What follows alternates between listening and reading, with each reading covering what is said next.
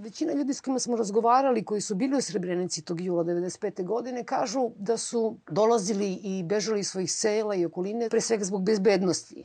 Koliko sam ja mogla da razumem iz nekih vaših ranih intervjua, vaša porodica i vi ste u Srebrenicu došli u velikoj meri zbog toga što nije bilo dovoljno hrane. Taj aspekt eh, gladi koja je postojala jako dugo je prilično prenebregnut, rekla bih. Da, da, apsolutno. Mislim da, da, da vrlo malo o tom dijelu priče je do sada znala i bosansko-hercegovačka javnost, jer svaki dio BiH manje više ima neku svoju priču sa nekim svojim specifičnim detaljima, okolnostima koje su vladale na tom području. A mi smo u istočnoj Bosni, pored toga, recimo, poredeći to sa Sarajevom u kojem evo sjedimo sada, u, u skoro u potpuno medijskoj blokadi. Znači, ovdje su bili, osim domaćih medija, nekakvih koji su postavili u tom momentu, bili su i strani mediji. I to popriličan broj tih stranih medija. Mene nije poznato da su, pogotovo u period 92-93. o kojem sam ja pisao u svojoj knjizi, gdje opisujem glad, to nije bilo pokriveno ni na koji način. Malo prije ste u pitanju potrijebili izraz bezbjednost, ja mogu da se složim sa, sa, sa načinom, e, sa tim izrazom, jel? Nismo sad ovdje došli da bismo jedan, jedno drugom ovaj, analizirali koje izraze koristite vi, a koje ja, kad se, e, kad se osvrćemo na prošlost, jel? I to je možda najmanje bitno u, u našem razgovoru. Ali bezbjednost je jednostavno pre, pre, previše slaba riječ. E, e, e, ako ćemo govoriti o tome zašto smo ja i moja poroca pobjegli iz Vlasence. Dakle, mi smo pobjegli iz Vlasence jer se tamo spremalo nešto strašno. I kasnije ćemo saznati, nismo morali dugo da čekamo, preživjeli su nam vrlo brzo ispričali o logoru Sušica u našem gradu koji je usposta, koje su uspostavile srpske vlasti, gdje je ubijen niz ljudi. Ja sad neću da baratam ovdje s nekim brojevima, sigurno se radi najmanje od nekoliko stotina ljudi, nevinih koji su tu mučeni na užasan način i ubijeni. Dakle, to je bilo u našem gradu. Šta bi se dogodilo da smo mi ostali u Lasenici, najvjerovatnije bismo završili u tom logoru. Ja i moja porodca. Onaj, e, umjesto toga završili smo, završili smo jeli, barem u tom, u tom prvom uh, ratnom periodu, ti prvi par sedmica mjeseci, u planinama ova, istočne Bosne, odakle je bio moj otac porijeklom, o, sela su opkoljena, napadnuta od strane srpske strane, e, srpske vojske, jel? E, spaljena, veći dio sela je spaljen, mi smo bježali, bježali, evo, bukvalno da se tako izrazim, bježali smo cijelo vrijeme, na kraju smo ova, jednostavno došli na jedino mjesto gdje se je moglo pobjeći. A to je bila, e, a, a da bude grad. A da bude grad, jel? A to je bila Srebrenica. Dug je težak taj put bio, strašan također, dugo to trajalo, trebalo nam je tri mjeseca da dođemo do Srebrenice. I cijelo vrijeme smo bili gladni, naravno, jer bili smo apsolutno osjećeni od svijeta, od civilizacije. Znači, s jedne strane je bila Srbija, mi smo bili baš na granici BiH sa Srbijom, u selu Luka smo proveli oko dva mjeseca i bukvalno smo gledali u Srbiju. Odakle su nas tukli, odakle nas je tukla artiljerija. Znači, gledaš golim okom i tuku nas avioni. Dakle, avioni su nas bombardovali ha, ne znam koliko puta, ali poprilično e, puta smo, migovi su doletili iznad, iz, iza Srbije, tačno, jel, i bacali su bombe na nas tu. Ovaj, da bismo onda drinom nekako sišli po noći, to je sad čitao priča kako i šta, dole do ove, bliže Srebrenici, izašli smo na jednu obalu, da bi nas onda čim je svanulo, počelo tući desetine artiljerijskih oruđa, oruđa i čega sve ne sa srbijanske strane, sa planine Tara. Ja to ništa nisam znao, tam prvi put sam se tu našao, jel? Ovaj, jedva smo to preživjeli i onda smo pješke nekako stigli ovaj do Srebrenice, gdje je također već počela da vlada glad. I zaista ta glad je bila onaj nešto što će nas cijelo vrijeme pratiti dok nije došao, dok nisu došle snage Umprofora tek 12 mjeseci nakon što je počeo rat. Snage Umprofora su došle u Srebrenicu i i Žepu, dakle te dvije susjedne enklave, ovaj, negdje, negdje tek evo, sredinom aprila 1992. godine, kad je zapravo uspostavljen, uspostavljen prekid vatre, trajala je ta situacija nekih, nekih dvije godine do jula 95. godine. Znači, taj period, 92. 93. je meni lično, pa sigurno i hiljadama drugih e, ljudi, govorimo o bošnjacima, bosanskim muslimanima koji su s tog područja, bio vjerovatno najteži u životu. Juli 95. godine bio, je bio naravno užasan, strašan, jer ubijeno je preko 8000 ljudi za vrlo jedno kratko vrijeme vrijeme. Ali u juli, dakle, ono što se dogodilo u jula 95. godine je trajalo relativno kratko. Dakle, znamo šta je bilo, masovne egzekucije, deportacije i sve ostalo. Međutim, ovo što je trajalo 92. 93. do dolaska snaga Umprofora i uspostavljanja zaštićene zone Srebrenica je trajalo 12 mjeseci. To je, to je, to je bilo jako dug period. Sad ja, da ja opisujem vama u ovom razgovoru kako je bilo gladovati 12 mjeseci, ovaj, malo bi mi duže trebalo. Napisao sam, uh, pored ostalog, i tu knjigu Zbijegu koju sam to opisao. I eto, to, to, to, nismo imali ništa da jedemo, nije odakle, nije mogla doći hrana. Jedan, samo jedan konvoj UNHCR-ov je nama došao u decembru 1992. godine u Srebrenicu. Dakle, samo jedan jedini konvoj. E, a interesantno, čini mi se da je došao iz Beograda i kasnije će jedan e, veći broj konvoja dolaziti iz Beograda jer je UNHCR imao svoje e, te magacine skladišta za hranu dakle u, u Beogradu. I kasnije ovaj će doći i konvoj kasnije nekad sa, sa cipelama iz Beograda iz neke, čini mi se, srbijanske fabrike obuće, kada ćemo svi mi preko 40.000 nas u Srebrenici i žene i muškarci, djeca dobiti po jedan par cipela, kako su oni e, tamo te brojeve nabavljali, ne sjećam se tačno, bilo tu naravno problema, a nismo mogli dobiti baš svoj broj, jele, svi. I interesantno, dakle, imamo cipele koje su u hiljadama pari došle iz neke firme, kažem, u Srbiji, koju je ta firma prodala ovaj UNHCR-u za jel, neki novac, koji je onda UNHCR dovezao u Srebrenicu. Mi smo dobili po jedan par cipela, dakle, za cijeli rat jedan par cipela. I onda su ljudi pronađeni njihova tijela posmrtni ostaci zapravo upravo upravo u tim cipelama pa i to bio dodatni problem jer e, onom uobičajenom metodom identifikacije ovaj posmrtnih ostataka ako svi imaju iste cipele ovaj praktično onda nemate nemate ni taj detalj jel? Ovaj da možete reći ovo je ne znam moj otac ili brat jer svi imaju iste, svi imaju iste cipele manje više Negde sam negde pročitala da ste vi za, za vreme tih najgorih e, meseci gladovanja izgubili jako mnogo kilograma i, da. i vaš otac, ali tako? Da, svi smo izgubili. Ja sam izgubio od najmanje 20 kilograma.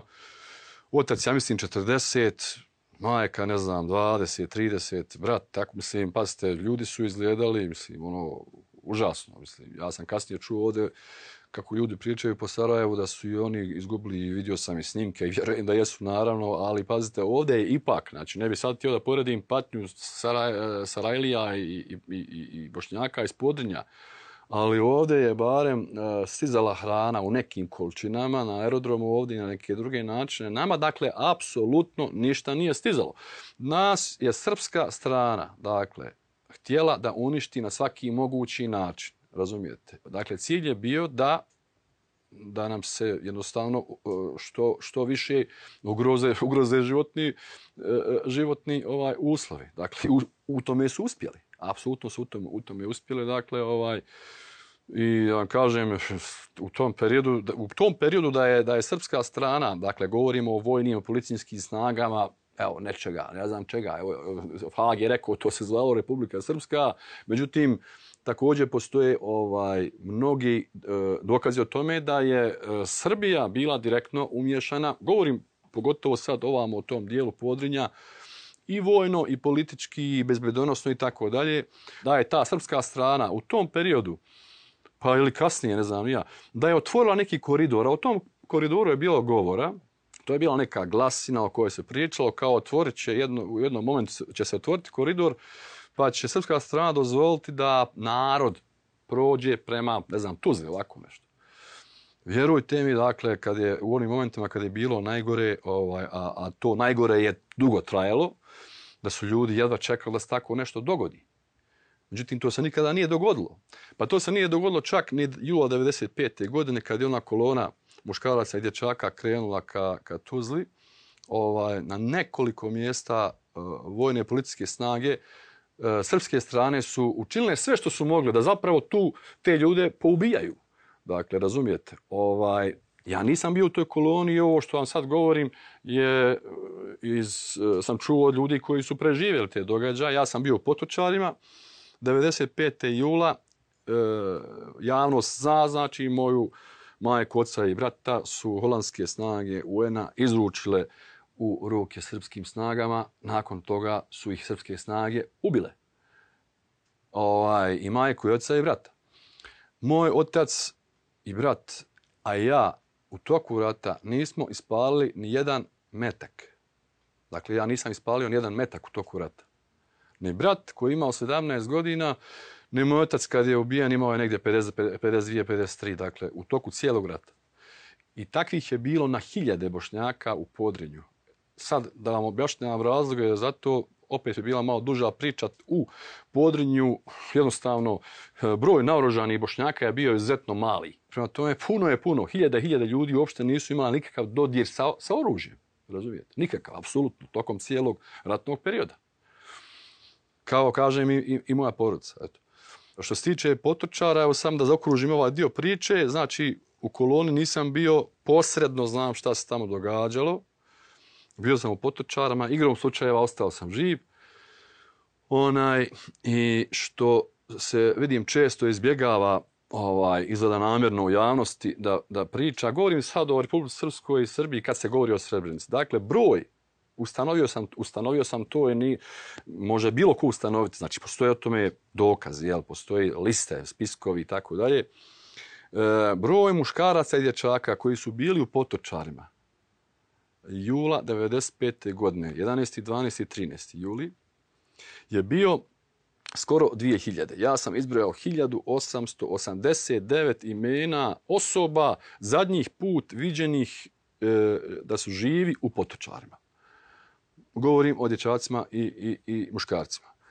Ovaj, I to, to, taj broj sam e, ustanovio u knjizi, pomoću, pomoću knjige Međunarodnog crvenog krsta. Mislim da, je, da, da, da su dovoljno međunarodno relevantni i neutralni kao organizacija da, da se to može uzeti kao relevantan podatak. Dakle, u potočarima je bilo skoro 2000 muškaraca i dječaka. Ovaj, od njih niko nije došao živ. Dakle, jedino možda nekoliko njih koji su preživjeli eventualno streljanje. A godinama mi zapravo, javnost, ja jesam na neki način znao, javnost nije znala ko je od tih ljudi preživio streljanje jer je tribunal njih e, e, e, koristio kao zaštićene svjedoke. I više puta su svjedočili kao zaštićeni svjedoci u tribunalu u I nedavno, evo kao što je Nedžad s kojim ćete se sresti, ja mislim, Nedžad Avdić je E, svi, svi to znaju, jel on kaže, ja sam tek nedavno počeo da pričam o svom iskustvu. On je 20 nešto godina o tome šutio. E, to, je, to je ta priča o, o, o tome da, da e, pazite, koliko, koliko sam ja uopšte, što, koliko sam ja uopšte obavezan, koliko bi ja trebao da, ne znam, gledam emisiju koju vodi taj neki Marić, jel? Al, al pogledam to nekad, pazite, pogledam to nekad. I Marić ponovo kaže, I to s jednim drugim generalom, još jedan general je bio uh, u drugoj emisiji, ovaj, srpski general. I oni i dalje koriste izraz ratni zarobljenici. Molim vas, ovo je vrlo bitna stvar. Ja nisam stručan za tu terminologiju, ali ne mogu da prihvatim da 24 godine nakon ovih događaja, razumijete, se koristi sasvim glatko, bez ikvog pardona, dakle, izraz ratni zarobljenici. Ja bih volio da mi neki stručnjak iz Srbije objasni kako je moguće da prije svega kakav je to ratni zarobljenik kojeg ubijete oba, mislim, razumijete? Prvo, mislim, onda on, više, on, on, onda on uopšte nije zarobljenik. Da biste bili zarobljenik morate biti živi, pa bar nekoliko dana, mislim, razumijete? Ono, zarobljenik. Vi ste zapravo žrtva od tog momenta koju vode na streljanje. Mislim, kakav ratni zarobljenik? Mislim, razumijete? Mislim, ono, imali smo ratne zarobljenike, ne znam, u, u, u Njemačkoj koji su radili gore po tim kampovima za Njemačku, pa sad čak dobijaju penzije, razumijete? To su nekakvi ratni zarobljeni. A i to je upitno da li je dobar termin. Ali ratni zarobljenik reći za, recimo, 2000 muškaraca i dečaka koji su odvedeni iz potočara direktno na streljanje, prvo na mučenje neki od njih, na mučenje, razumijete, onaj, ratni zarobljenik. Mislim da ćemo ovdje u regionu možda napraviti jedan korak naprijed. Ne, ne govorim samo naravno o Srbiji, govorim o svima nama, ali evo u ovom slučaju o Srbiji, kada možda prestanu govoriti tako ratni zarobljenici, nego možda žrtve. Postoji izraz žrtve. Ti ljudi su mrtvi 24 godine. Razumijete? Međutim, rijetko sam čuo da neko u Srbiji kaže žrtve. Razumijete?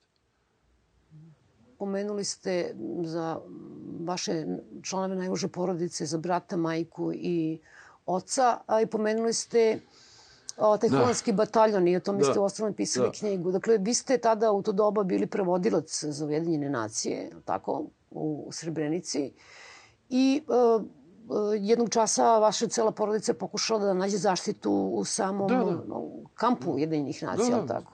U kampu je bilo, u kampu je ušlo, u kamp je ušlo negdje, negdje oko 6000 ljudi, a oko kampa je ostalo negdje 20-25.000 ljudi. Znači, ovaj, mislim, Pazite, to je ono, bukvalno neposredno oko kampa. Znači, Holandžani su, poznato je to javnosti, izručili, eh, odnosno, srpske snage su došle sutradan tek, dakle, tek sutradan, iz Srebrenice, iz Bratunca, pomiješale se s tom masom ljudi oko baze, odvajale su muškarci i dečake, žene i djecu deportovale autobusima i kamionima, da bi ovi koji su bili u bazi mislili da su ipak na neki način zaštićeniji sutradan Holandžani će, i to baš meni dati megafon, iako je nas prevodlaca bilo više. Dakle, bilo nas je sigurno jedno 5-6 koji smo radili direktno za ujedinjenje nacije. Ovaj, dali su meni mikrofon i rekli mi da prevedem riječi masi od 6000 ljudi u toj hali, da ljudi počnu da izlaze u grupama po pet. Tako su ljudi počeli da izlaze. I kada dođu do kapije, to je neki, neki par stotina metara, tamo, tamo ih čekaju srpski vojnici zajedno sa holandskim vojnicima koji, stoji jed, koji stoje jedni do drugih i tu se dešava odvajanje. Ja imam, ne samo ja, nego postoje dokazi da su holandžani vidjeli nekoliko egzekucija na licu mjesta. Recimo, jedna izjava kaže da je čovjek koji je izašao iz baze odveden u kukuruzno polje nekoliko desetina metara od kapije i da je ubijen pucnjem u potiljak, razumijete? Iako su holandžani vidjeli da se to dogodilo tu, oni su i dalje istjerivali ovaj, i, i predali u ruke i sve ostale ljude iz baze. Znači, to je to. A rekli ste malo čas i ne samo vi, naravno, i, i ovi drugi ljudi s kojima smo razgovarali da su neke žene pogotovo uspjela da se evakuišu, tako da kažem, iz potočara. Kako je vaša majka na kraju o, stradala? Vidite nešto. Većina žena jula 95. godine je od strane srpske vojske, policije i tako dalje, kao što znate, prebačena kamionima i autobusima zajedno sa djecom ka kladnju. Dakle, većina. Postoji jedan broj žena koji je silovan i ubijen i jula 95. godine ovaj, kasnije ću ja u fragmentima da saznajem znači šta se dogodilo moje majici. Treba će mi godine i godine mislim, da, da, da neku priču sklopim i nikada nisam i tačno saznao šta se dogodilo, da vam pravo kažem. Znam, znam neke dijeliće priče. Kasnije je bila u Vlasenici, u našem gradu. Znači, mi smo napravili kompletan krug od tri i pol godine, znači, bježeći iz Vlasenice, preko Žepe, Srebre, Srebrenički, Žepski, tamo ti planina, brda, tamo Malta, ne, ne Malta, ne, smo išli, išli smo tom granicom sa Srbijom, Čamcem, znači u Srebrenici smo proveli neke tri godine, da bi na kraju moja majka opet na, na tu početnu tačku došla u Vlasencu i, bi, i da, bi, da bi ponovo, dakle, bila u, u zatvorna u Vlasenci. U, čuo sam još neke strašne detalje šta se dogodilo tamo u tom zatvoru. Ne znam da li su tačni, I ubijena je pored Vlasenice u jednom mjestu koje se zove Jarovlje sa 5-6 muškaraca. Najvjerojatnije se zna ko je to uradio. Ovaj, pucano je na njih izbliza i poleve, poliveni su benzinom i zapaljeni. To je, to je način na koji, na koji je ubijena moja majka. kad su nađeni posmrtni ostaci vašeg oca i brata? To je bilo, znači, deset godina, je prona, nakon deset godina pronađen otac, a brat i majka nakon 15 godina. I svi su u potočarima? Da, i sve troje su, znači, ukopani u potočarima i tu je i moj Amidža, znači stric, koji je također bio u potočarima i on je ovaj streljan negdje i, i on je tu ukopan. I sjećam se baš momenta kad sam u jednom momentu bio izvan baze, pokušavajući da spasim neke ljude, da ih uvedem u bazu dok je još moglo, mada nisam uspio. Mislim, šta bi na kraju postigao da sam je uveo u bazu, on bi okončal na isti način. I moj taj Amidža, stric je ustao da me pita, Has, oni su mene zvali Hasko, kaže, šta, šta će biti s nama? Gledao je e, u mene ovako, nadajući se da ja nešto znam više nego on. Jel? Ja kažem njemu, sve će nas poubijati. I on je sam ostao onako bez riječi, ja sam otišao u bazu. Nisam to samo njemu rekao, rekao sam još više ljudi tu. Ja apsolutno nisam imao nikakvu iluziju o tome šta će se dogoditi. To je bila četvrta godina rata, a hiljade bošnjaka su dakle u tom području streljani, ubijene na najgori način ovaj, već, samo, e, već 92. i 93. godine. Naravno, e, e, bio je jedan broj srpskih žrtava i civilnih, jel? Sad ja tačno ne znam o kojem se ne znam broju radi, o kojem se tačno događajima radi, znači, ali mm, kaže ne treba porediti, ne znam, patnju ovog ili ovog naroda, ali pazite, molim vas, u ovom slučaju na tom insistira i, i, i, i, i, i srpska javnost, kaže, pa ne znam, srpske žrtve, pa ovo, pa ono, mislim, neoporedivo, po mom, po mom saznanju, neoporedivo znači to šta se dogodilo srpskoj strani u podrinju i bošnjačkoj strani. Dakle, apsolutno neoporedivo. Ali pazite sad, mislim, ja ono tumačim, kao ja tumačim u pogledu unazad ratna dešavanja 92. 95. Prvo smatram da nisam to dužan da radim. Ja nisam istoričar, pazite, nisam istoričar. Nisam političar. Da li sam ja dužan srpskoj javnosti da bilo šta pružim od ovih informacija? Mislim da je prije svega srpska javnost meni dužna da pruži, da pruži informaciju. Dakle, ja bi trebao da ja bi, trebalo bi da, mo, da sam mogao već 96. 7. godine otići na Pale ili Banja Luku, Beograd, jer je i Srbija bila umješana, dokazano je, da ja tražim podatke o tome gdje su moj otac, majka i brat. Razumijete? Možda ne, šta im se, možda ne toliko šta se njima dogodilo, ko ih je ubio, ko će mi to reći, jel? Razumijete, to utvrđuju sudovi, policija, istrage. Ali, ali, ali dakle, srpska javnost, odnosno srpska strana je meni treba da pruži informaciju. A ne ja srpskoj javnosti, evo 24 godine nakon svih tih događaja, da ja šta? Edukujem srpsku javnost o tome šta se dogodilo 92. 95. godina. Mislim, možda, pa možda, možda srpska strana više zna od mene šta se dogodilo, me razumijete? Ja bih volio, mislim, drago mi je što ste došli i zaista sam, ovaj, teška srca pristao na ovaj razgovor s vama jer, mi jer me ovo jako opterećuje. Dakle, jako me opterećuje. Ovaj, ali, ali najgore bi bilo i najgore jeste i, i bit će još, na, nažalost, u budućnosti će se to još povlačiti, što imamo neku vrstu uh, suprotstavljenih narativa. Dakle, suprotstavljenih narativa. I to ne dva, nego tri, pa i više. Razumijete? Suprotstavljenih narativa. Vi ste uh, podneli tužbu i protiv države Holandije zapravo, jer smatrate i njih odgovornim uh, da, da, što... apsolutno. Oni su imali u jednom momentu šest vojnika. Narav, navodno, kad, je, kad se Srebrenica dogodila jula 95. godine, dakle kad je pala zaštićena zona uh, Srebrenica, ovaj, oni tvrde da, je, da, da su imali manje, manje vojnika u tom momentu, jer je jedna cijela četa bila na odmoru. Što je sad jedan, hajmo reći, dodatni detalj ovaj, u Holandiji su bili već na odmoru jedno vrijeme, pa su trebali da se vrate, pa se nisu, nisu uspjeli vratiti. Vidite nešto, uh, ja sam uspio da dokažem da je Holandija odgovorna i dugo će se još to povlašiti po sudu. To je bio samo jedan slučaj, a bit će ti još i tužbi i slučajeva. Znači.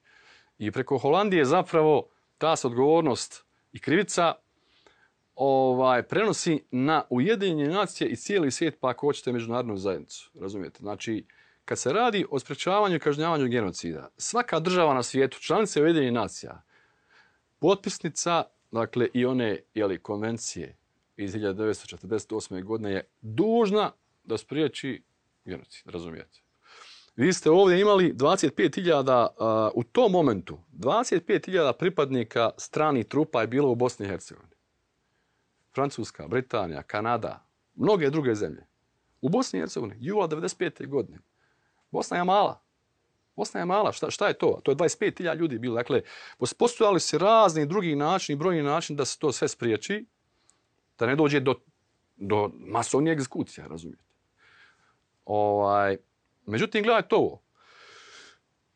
Tri sedmice nakon Srebrenice, Hrvatska vojska zauzima Knin. Preko hiljadu Srba bježi, o, Srba iz Knina, znači uključujući muškarce, uključujući one koji nose uniformu, bježe u obližnju bazu kanadskog umprofora. Vrlo slično, skoro isto kao u Srebrenici. Govorim o okolnostima. E, Hrvati sa svojim snagama stižu na kapiju, traže da im se izruče da li svi ili jedan dio muškaraca, ne znam.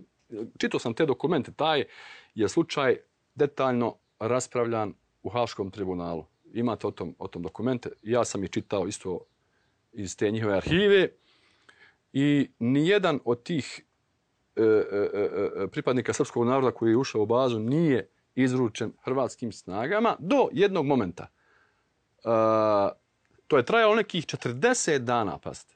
U Srebrenici se sve dogodilo to u potočarima za 48 sati.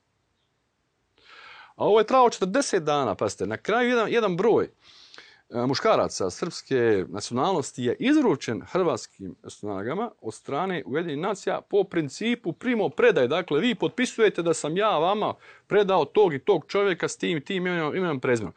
I to samo onda kada je hrvatska strana na najvišem nivou e, prezentirala Ujedinim nacijama dokumente da su te osobe srpske nacionalnosti e, osumnjičene osumnječene da su možda počinile ratne zločine. Da me razumijete. Ujedinjene nacije su predale te osobe srpske nacionalnosti hrvatskim vlastima i njima se ništa nije moglo dogoditi u smislu da budu ovaj ubijeni, razumijete. I UN je naravno ovaj apsolutno ovaj učinio sve da nadgleda taj proces i zatočenja i njihovog suđenja, dakle procesuiranja i tako dalje. Nisu mogli biti ubijeni, razumijete. Hajde sad, hajde sad da se vratimo na Srebrenicu. Došao sam do spiska, imam ga, mislim ima, imaju ga i drugi, od nekih 230 imena gdje jula 95. godine pravosudne institucije u tom području Republike Srpske imaju spisak e, osoba bošnjačke muslimanske e, nacionalnosti koje su tokom 92. 95. osumnjičene da su e, počinile ratni zločin nad srpskim stanovništvom. 230 imena, pazite. Ja imam taj spisak i kažem, imaju ga i drugi. Niko nije od ovih e, srpskih, e, dakle, egzekutora imao taj spisak u svojoj ruci pa pitao kako se ti zoveš, pa pitao, razumijete? Dakle, Srpska strana je u 1995. godine nije tražila nikakve počinioce nekakvih zločina na Srbima. Srpska strana je izvršila masovnu egzekuciju nad hiljadama i hiljadama muškaraca, dječaka. Pa se dječaka i staraca. Na spisku se nalazi, e, na tom spisku se nalazi 500 osoba. E, na spisku ubijenih. 500 osoba e, mlađi od 18 godina. Što kaže, daj Bože da smo imali taj scenarij iz Knina. A, a, a radilo se o istoj emisiji Ujedini nacija na, na području bivše Jugoslavije. Isto tako gledao sam onaj kad se predaju srpske snage iz krajine tamo u operaciji Bljesak, to je bilo prije Srebrenice, ja sam vidio, ono, pogledajte na YouTube snimak. Ne znam koliko hiljada pripadnika srpskih snaga se predaje Hrvatskoj vojsci, sva vozila, ne znam, tenkovi, na jednom mjestu stoje oružje, ne znam, na zemlji. Oni su tu, I dva generala, srpski i hrvatski, potpisuju predaju. Kapitulaciju, predaju, kako ćete. Jeste li čuli vi, da- ne, mislim, nemojte misliti da vas pitam, da je se nešto dogodilo slično tim vojni, ne, ne, ne, ne branim ja ovdje sa hrvatsku stranu, razumijete? Ali bljesak 95. godine, ne znam, mjesec i pol dana prije Srebrenice imamo, a onda imamo tu Srebrenicu, razumijete? Znači, jedino mi smo ovdje bili žrtva masovnih egzekucija.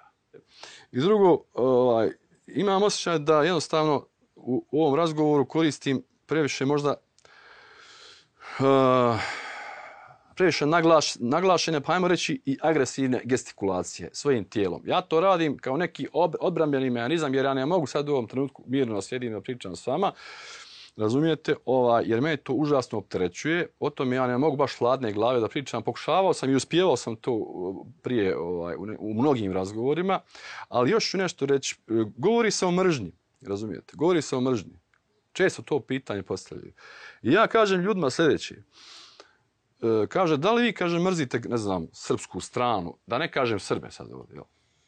Ja kažem, slušajte, koliko se ja razumijem u to, mržnja je, kad je u pitanju tvoje tijelo i um, jedan biohemijski proces koji se dešava unutar moga uma i tijela. Šta vi imate s tim? Znate, kad biste vi imali nešto s tim? Kada bi, ako ta mržnja postoji, ona proizvela nešto loše po vas. Razumijete? Prema tome, e, koji je moj odnos lični u mom umu ovih 24 godine u odnosu na takozvanu srpsku stranu, to je moj problem. Koji ja rešavam sam sa sobom, koji nosim svaki dan, a reću vam to, shvatio sam davno da je mržnja autodestruktivna jedna, jedan autodestruktivan proces. Ja ne želim sam sebe da uništavam tako što bi nekoga mrzio, razumijete, jer, jer jedini kojeg bi na kraju uništio bio bih ja. Jeste li možda nekad čuli da sam ja nekome nešto nažao učinio? Nisam, niti ću. Pazite nešto, mrzite i mene ako hoćete do sudnjega dana, ali nemojte doći da me ubijete. Nemojte doći da me ubijete. Mene je moj porodicu i moj narod ako hoćete. A to da li mene mrzite ili volite, to je sasvim neki drugi problem.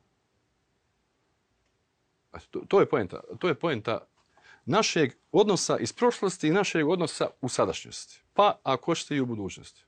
Kada hodate ovim gradom i kad idete na posao da vidite neke ljude koji su uh, uh, zlikovci da. i koji... Bukvalno gdje mi sad sjedimo, 500 metara od ovog mjesta se nalazi e, zgrada parlamenta i vlade Bosne i Hercegovine u kojoj se nalazi Ministarstvo sigurnosti Bosne i Hercegovine, u kojem radi osoba srpske nacionalnosti iz Lasence koja je bila tokom rata 92-95. komandir policije. U tom gradu je, malo pre sam rekao, najmanje nekoliko stotina, najmanje, samo u gradu, ljudi ubijeno na najsirepiji način. Između 50 i 100 žena, po mom saznanju, je silovano i ubijeno. To je mali grad, mala sredina. Razumijete, ovaj, prije rata je sam taj grad imao 5000 stanovnika. Samo grad, opština 30 i ne znam koju, 32.000 čini se. Ovaj, I kad je moja majka ubijena, uh, saznao sam da su ti koji su to počinili najvjerojatnije bili pod njegovom, pod njegovom uh, ingerencijom, kao šefa policije. Razumijete? U tom momentu, kad je moja majka ubijena, u našem porodičnom stanu živio je njegov brat. Dakle, njegov brat koji je bio predsjednik SDS-a i predsjednik kriznog štaba Vlasenice. Govorim samo dva brata. Taj koji je bio policajac radi ovdje u Ministarstvu sigurnosti Bosne i Hercegovine. Samo na osnovu podataka koje, koje sam sad ja dao, a do koji sam ja došao tokom dugih, dugog niza godina, ovaj, mislim da, da je manje više jasno da je on veoma odgovoran ne samo za moju majku, nego i za mnoge druge ljude. Jer treba da za to odgovara na sudu. Eto, to je to. To je danas, to je danas Bosna i Hercegovina. Sve što ja mogu da uradim po tom pitanju je da odem na sud i prijavim ga. Ja sam to već uradio i na taj način sam uradio, kažem, sve što ja mogu po tom pitanju. Ništa ja tu više ne mogu. U ovoj državi znam, evo, majke Srebrenice, znam za ostale preživjele, zaista se oslanjaju i nadaju da će ta krivična, da, da, da će taj proces krivične pravde e, e, iznjedriti barem neki, neki dijelić pravde po, pomoću kojega ćemo biti u stanju da ove stvari ostavimo iza sebe i da krenemo naprijed. Ne samo mi ovdje, dakle, u Sarajevu, u Bosni i Hercegovini, u Srebrenici, nego i ljudi u Beogradu, u cijelom regionu. Dakle, apsolutno ne postoji drugi scenarij. Po mom mišljenju, koji priželjkuju normalni ljudi u ovom regionu, koji je to drugi scenarij? Da li je neko ikada vas pozvao u Beograd da pričate o tom što znate, pisali ste knjige? Pozvala me je pokojna Borka onaj Pavićević. Pavićević jeste neki dan je umrla. To sam odmah vidio na internetu i to je bilo prije nekih 20 godina. Ja sam odbio da dođem. Odbio sam da dođem. I biste to da isto odbili danas? Najvjerojatnije da bih. Najvjerojatnije da bih. E, evo, da ne bi previše filozofirao, Janja Beč kaže ovako. Kaže, evo recimo Srbi i Bošnjaci, evo kaže, ova dva naroda su jedni drugima ogledalo. Ogledalo. Ovaj, vidite, i mene zovne, i mene zovne, ovaj Tomić iz Bijeljine isto radi neke vrlo pozitivne stvari i kaže, ajde dođe negdje tamo na tom području oko Bijeljine i tako dalje da ispričaš te stvari. Mislim, pas čovječe, mislim, ovaj, ja se izvinjavam i vama i njemu, ali ja kažem, ja ne mogu biti onaj držač ogledala.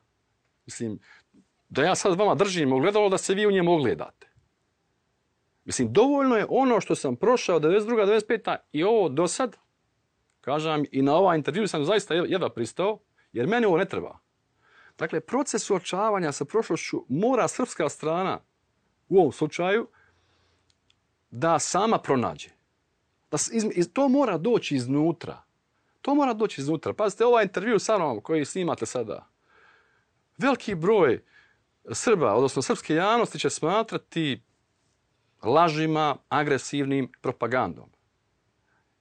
Ovo dolazi izvana, jer ja više ne živim u zajedničkoj državi sama.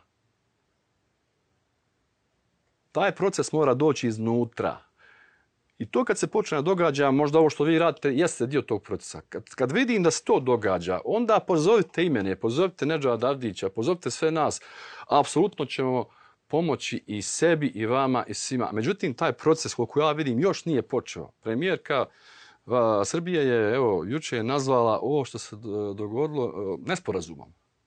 Koliko se ja sjećam iz jutrošnjih vijesti, ona naziva, kaže, trebamo da ostajemo nesporazume iz prošlosti za nas. Nesp njoj je genocid nesporazum. Razumijete? Hvala.